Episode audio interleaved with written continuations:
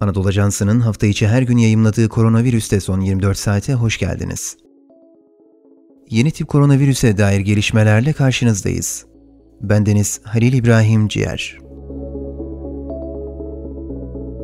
Dünya genelinde vaka sayısı 150 milyon 49 bine, ölüm sayısı 3 milyon 158 bine ve iyileşenlerin sayısı ise 127 milyon 568'e yükseldi.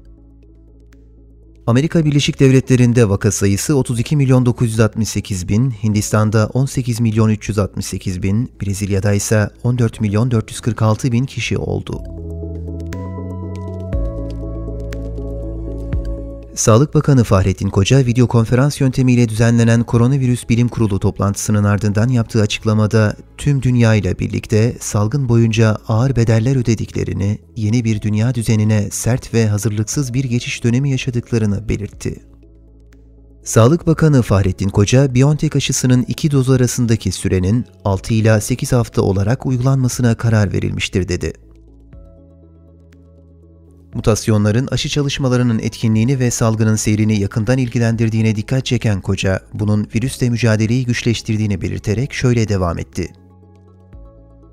Bunlardan bazıları baskın hale gelerek hızla yayılırken bazıları sınırlı yayılım göstermektedir. Virüsün kendisini değiştirerek yeni formlara girmesi ömrünü uzatsa da bunun bir sonu var. Bu mutasyonlar virüsün de hasta etme kabiliyetini sınırlayacak. Şu an ülkemizde en çok görülen mutasyon türü İngiltere varyantıdır. Bunun yanında Brezilya ve Güney Afrika varyantları da görülmüştü.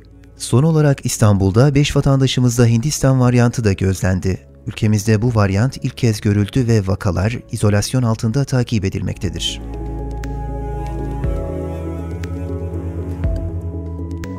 Sağlık Bakanlığı'nın yayımladığı verilere göre Türkiye'de son 24 saatte 283.261 COVID-19 testi yapıldı. 40.444 kişinin testi pozitif çıktı. 346 kişi yaşamını yitirdi. Hasta sayısı 2728 oldu. Son 24 saatte 45.198 kişinin COVID-19 tedavisi ya da karantinasının sona ermesiyle iyileşen sayısı 4.212.461'e yükseldi. Koronavirüs alacağınız tedbirlerden daha güçlü değildir.